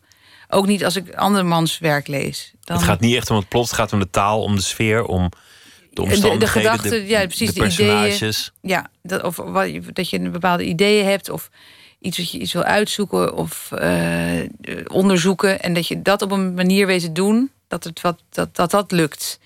En of het dan eh, op, eh, A, op manier X of A eindigt, dat natuurlijk draagt dat ertoe bij hè, of het wel of niet lukt. Maar dat doet, dat, zo zou ik dus niet gaan kijken naar dat boek als ik het weer opnieuw zou schrijven. We doen er nog één. Geloof je in God? Uh, nee, ik geloof niet in God. Ehm, dat heb ik wel even gedaan toen ik heel jong was. Maar nee, nu gaat het natuurlijk eigenlijk oh, dan over vragen waar geloof je dan wel in. En dat is ook wel, dat sluit ook wel uh, aan bij een van de belangrijkste redenen of de belangrijkste thema's van dit boek. Um, dat ik op zoek was naar. Um, dat ik net zoals heel veel mensen een soort. Uh, wel geïnteresseerd was in spiritualiteit. Maar me daar altijd een beetje, een beetje ambivalent toe verhield. Zo, ja, dat ik ook wist, het, is ook, het heeft ook iets uh, dweperigs. Het is ook een soort lifestyle-achtig iets. Dus het was altijd ook een ik wist niet precies waar ik, hoe ik daarin stond. Uh, dus ik ging wel eens, ik had wel zo'n stilteweeg gedaan en ik las, las, las eens wat. En um, in India kwam ik er, daar kwam, daar kwam ik dus daar en dan zag ik dus, dat was zeg maar de bron van waar dat allemaal vandaan kwam, maar merkte ik dat het een heel andere, uh, dat het heel, een heel andere invulling had. Um, gecombineerd eigenlijk ook met het daar zijn. Dus hoe het leven daar is. De hardheid, uh, de, de, rauwheid van het bestaan. En die combinatie, dus we, moeten verhouden tot dat, dat wereldleed eigenlijk. Dat klinkt dan heel groot, maar dat, dat is echt zo. Um, en die andere manier van omgaan met spiritualiteit, die hebben, dat heb ik in dat boek willen uh, eigenlijk laten zien. Hoe dat, waar dat toe kan leiden. India en Nepal ook wel. Dat, dat, zijn, dat zijn de twee landen in de wereld waar iedereen die zich bezighoudt met uh, allerlei vormen van, van uh, spiritualiteit of, of uh, alternatieve zweverigheid of, of yoga of wat dan ook naartoe gaan. Ja. Die, die, die leggen daar een soort beeld op, maar het is niet wat het werkelijk is. Het is een westerse interpretatie die ze projecteren op wat er daar aan de hand is. Ja. En dan komen ze daar, maar ze zien niet echt in Althans, de meeste, ik bedoel, je moet niet generaliseren, maar generaliserend gesproken toch, de meesten snappen niet waar het echt over gaat. Ja. En, en dat is een mooi contrast. Ja, dat is heel mooi. En het is uh, wat, ik, wat ik vooral, maar dat heeft dan vooral ook te maken met het daar zijn. Je verhouden tot, tot, uh, de, tot, tot de armoede en tot het feit dat je het echt zoveel beter hebt. Um, en daar in eigenlijk al vrij snel best goed kunnen navigeren. En, en dus de eerste paar maanden ben je daar heel, erg door aangedaan. Althans ik. Um, en, maar op een gegeven moment word je, word je er al uh, immuun voor. Het raak je nog wel, maar steeds minder. En dan, dan merk je dat, je dat je eigenlijk zelf net zo bent als, uh, nou ja, als iedereen. Dus ook in de zin van dat je dus heel egoïstisch bent. Je wordt net zo hard als, als de lokale Morris. Ja ik was voornamelijk heel erg bezig met mijn eigen kinderen. Dat die moesten gezond blijven en die moesten eh, goed in hun uh, auto zitten. En we moesten, uh, de huizen moesten goed zijn. En natuurlijk vond ik dat wereldleed heel erg, maar ik bekommerde me om, voornamelijk om mijn eigen uh, nageslacht. En dan kom je in een, in een expat-situatie. Namelijk, je leeft in een land, maar tegelijk leef je ook je eigen leven. Buiten het land om. Dan heb je nog de locals, die zijn er wel, maar niet echt, niet echt in je bestaan als, als een soort gelijkwaardig iets. Het is een heel wonderlijk, wonderlijke achtergrond. Ja. Dat, dat heb je uit eerste hand meegemaakt en dat is ook heel erg de achtergrond van het boek geworden. Ja, precies. Dat, was een, dat eigenlijk met je een tweede, tweede gedachte of een tweede uh, decor, zeg maar, gaat heel erg over die verschillende lagen van mensen die dus inderdaad op één plek wonen. En wat ik fascinerend vond en vind, is hoe dat hele expat, uh, die, de expertwereld, of dat, dat, zijn mensen die natuurlijk ook zich, die, dat, die wanen zich cosmopoliet. Dat, zijn ze ook. Ze, kennen, ze, vliegen overal naartoe en die, ze bewegen zich heel makkelijk uh, over de wereld. Maar eigenlijk op een uh, in het directe contact of het hele kleine alledaagse zijn ze redelijk relatief beperkt. Is het heel dorps en heel erg naar binnen gericht. En dat vond ik echt een, een bizarre uh, constatering. Dat ze elkaar opzoeken, hun eigen kring opzoeken. Ja, dus dat, dat ze dus, het lijkt dus allemaal heel wereldlijk. En, en je, je, je, gaat, je hebt alles gezien en je komt overal. Maar eigenlijk is het, is het meer naar binnen gekeerd dan welke gemiddeld boerendorp in Nederland, vond ik. En maakt het dus ook niet zoveel uit waar ter wereld je zit, want, want je, je landt nooit echt helemaal. Ja, en, eh, vooral, en dat heeft dat, dat contact dus inderdaad met gewoon de mensen die er wonen. Dat het zich dus allemaal afspeelt in, die, in een hiërarchische verhouding, eigenlijk.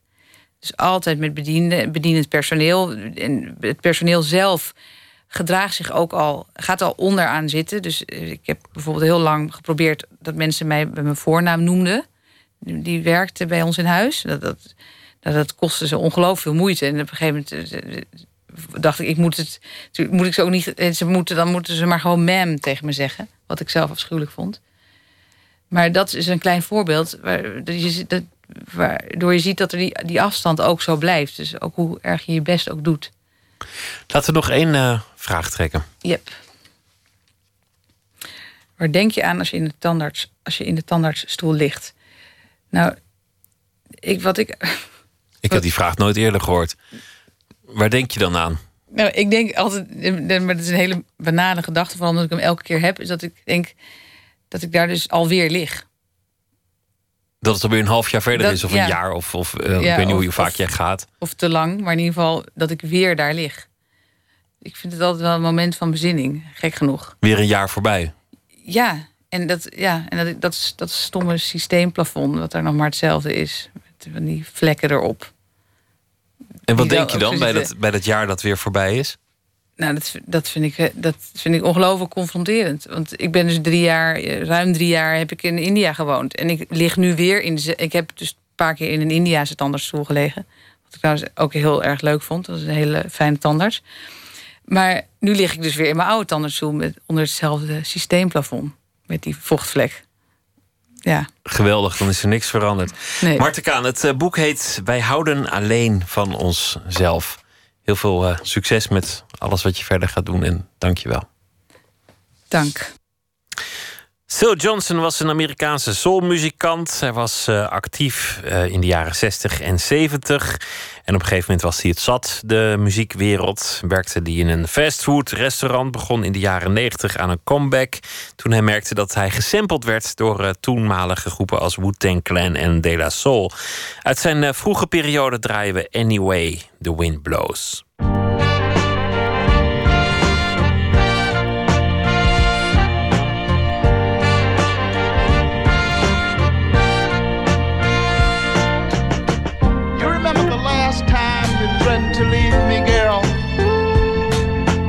I got down on my knees and begged you not to go. Now here you come, threatening me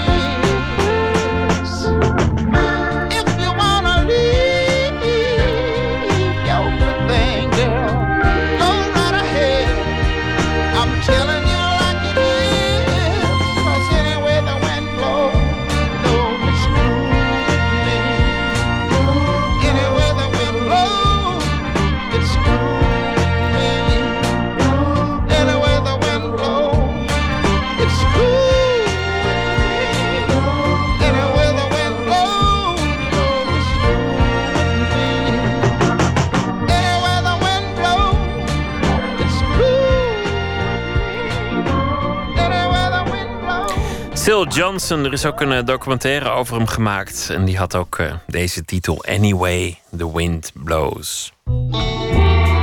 Nooit meer slapen.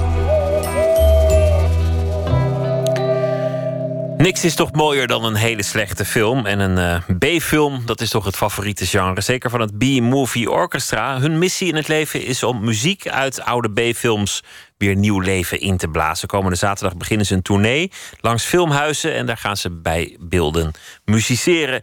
Het uh, belooft een, uh, al dus het uh, B-Movie Orchestra, cineastische ervaring vol seks, horror, superhelden en science fiction te worden.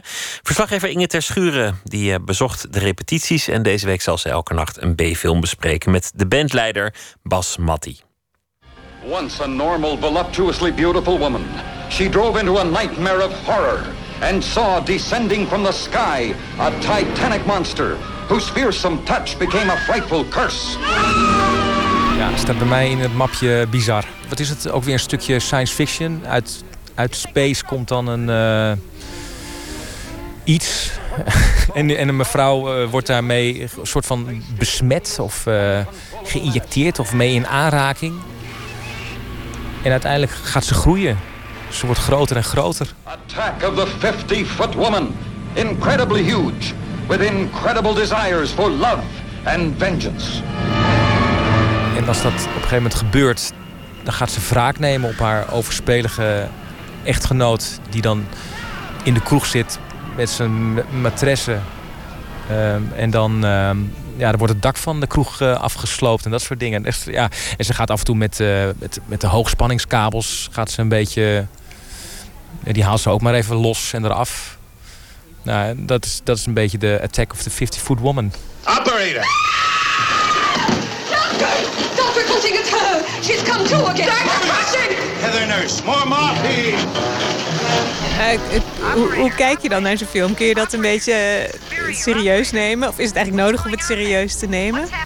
Uh, ja, misschien hangt het een beetje van je karakter af. Ik kijk dat dan toch best wel serieus niet dat ik denk van, oh, wat erg, dat bestaat gewoon. Ik, ik, word, daar, ik word daar bang van, maar uh, ik snap wel dat het een totale fantasie is. Maar ja, je moet je toch laten, laten meenemen door een verhaal. Dat moet je eigenlijk altijd. Als je het niet wil geloven en je gaat van tevoren al uh, op je dijen kletsen... dan houdt het snel op natuurlijk.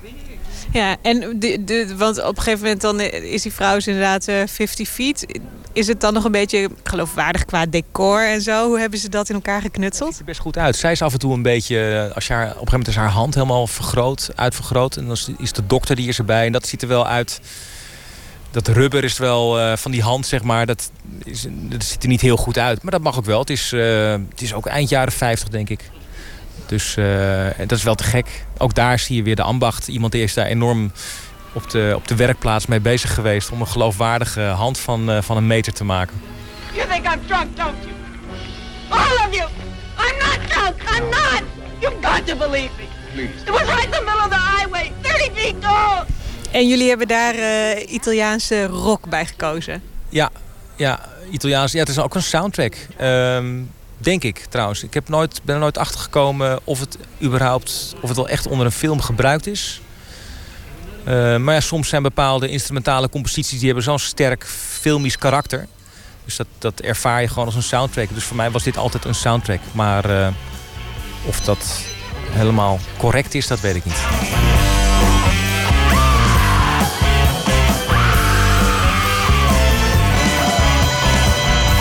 Zijn het dan uh, soundtracks uit, uh, uit specifieke landen bijvoorbeeld? Dit, is, uh, dit komt uit Italië.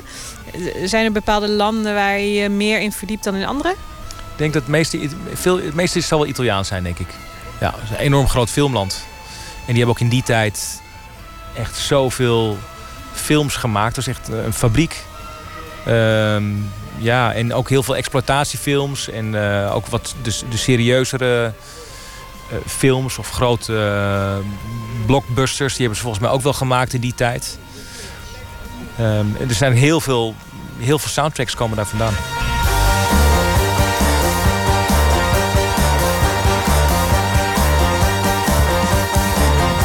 Over het algemeen, ik heb, we hebben nu ook af en toe van die audiofragmenten door, uh, door de muziek heen lopen. Van interviews met acteurs. Nee, nu alleen actrices die dan in die tijd in de scene kwamen. Dus die kwamen dan in Rome. En dan hoor je zo iemand zeggen... ja, in die tijd, eh, als je in Rome kwam en je zag er goed uit... iedereen, was, eh, iedereen die er goed uitzag, die was actrice. Want dan, zat je gewoon, dan werd je gewoon gevraagd voor een film. Zo ging dat, weet je. Want iedereen was regisseur en was bezig met een film. My agent said it's a good opportunity for your career, for your, for you as actress. For me, it was my, my, my, my chance, you know. Was very young and very naive. Dus dat is wel, eh, wel leuk om te horen. Je hoort de, de opwinding die heerste in die tijd. Dat alles kon, alles was mogelijk. En dat ik denk dat je dat ook wel weer heel erg terugziet in de films. Je zou er haast nostalgisch van worden, hè? Dat is- het zit ook in mijn karakter hoor. Dus eh, misschien ga ik daar een beetje te ver in. Maar eh, ja, inderdaad. The Attack of the 50-Foot Woman. En de filmhuistour van het B-Movie Orchestra begint aanstaande zaterdag in Haarlem. De Slow Show is een eh, vijftal uit Manchester dat zich heeft vernoemd naar een, lied van The National. Toeval of geen toeval, maar hun rijk gearrangeerde songs doen ook een beetje denken aan de band The National. Dit nummer bijvoorbeeld, Ordinary Lives. I'm proud of you, boy. Look how far you came. Proud who you are. Happy how you changed. Won't see you much more, but that's okay. I can rest assured that you're happy but I am not afraid. I can see so clear,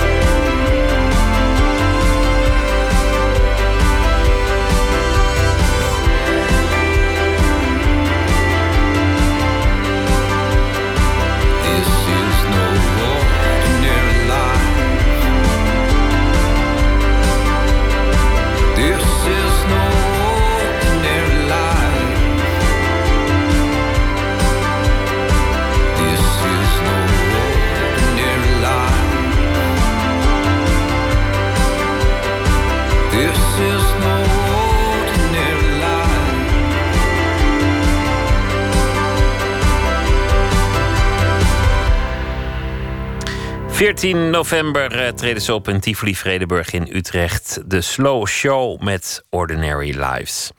We eindigen met eh, de poëzie van F. Starik. Deze week zal hij elke nacht een van zijn gedichten voordragen en toelichten. Vannacht het gedicht Zweef.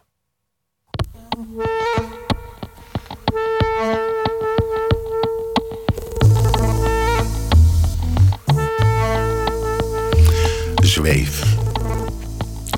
Als kind kon ik s'nachts het raam uitvliegen. Ik spreidde mijn armen en dreef door de nacht als een meeuw op de wind. Het was niet moeilijk en niet zwaar. Ik spreidde simpelweg mijn armen en zweven maar. Freud zegt hierover: een gesublimeerd verlangen naar macht. Ach, wist ik veel, ik was een kind, ik was veertien jaar. Nu hoor ik vaak een bel gaan in mijn hoofd. Soms de zoemer van de buitendeur. Soms het schorre belletje van boven. Sinds ik geen wekker meer bezit, rinkel ik mezelf wakker in de nacht. Of zegt iemand keihard hallo in mijn oor. Het klinkt zeer levensecht, maar nooit staat er iemand naast mijn bed. Ik ben het zelf die de bel produceert, die de wekker wekt, zichzelf telefoneert. Ik ben het zelf die hallo zegt. Vliegen doe ik al lang niet meer. Dit gedicht komt uit mijn laatst verschenen bundel Staat. En het is echt waar. Ik heb als kind uh, heel veel uh, vanuit mijn bed ben ik mijn raam uitgezweefd. En met minimale vliegbewegingen kon ik stijgen en dalen. En kwam ik eigenlijk gratis overal. Ik probeer het nog wel om te vliegen, maar ik kan dat, die belevenis niet meer zo natuurgetrouw voor mezelf geloofwaardig reproduceren. Wat me daarentegen zeer regelmatig gebeurt, is dat ik s'nachts wakker schrik van allerlei zoom en telefoon en wekkergeluiden die er dan helemaal niet zijn. Ook word ik dus daadwerkelijk s'nachts aangesproken door mensen die er niet zijn. Dat is best zielig voor mij en daarom heb ik om mijzelf te troosten dit gedicht geschreven. En dan lees ik nog een keer het gedicht Zweef voor. Als kind kon ik s'nachts het raam uitvliegen. Ik spreidde mijn armen en dreef door de nacht als een meeuw op de wind. Het was niet moeilijk en niet zwaar. Ik spreidde simpelweg mijn armen en zweven maar. Freud zegt hierover een gesublimeerd verlangen naar macht. Ach, wist ik veel, ik was een kind, ik was veertien jaar. Nu hoor ik vaak een bel gaan in mijn hoofd. Soms de zoemer van de buitendeur, soms het schorre belletje van boven. Sinds ik geen wekker meer bezit, rinkel ik mezelf wakker in de nacht. Of zegt iemand keihard hallo in mijn oor.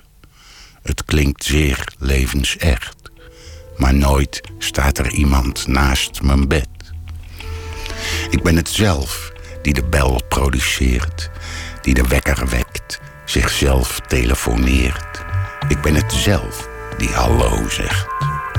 Vliegen doe ik al lang niet meer.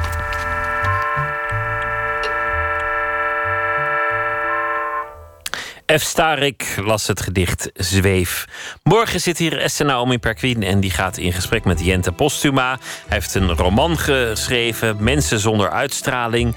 Gaat over een uh, gemankeerde familie, normale mensen in een absurd universum.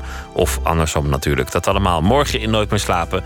Voor nu wens ik u een uh, hele goede nacht en morgen een genoegelijke dag. En ik hoop dat u dan weer zult luisteren. En zometeen op deze zender uh, zit Astrid Klaar in haar hoedanigheid als nachtzuster.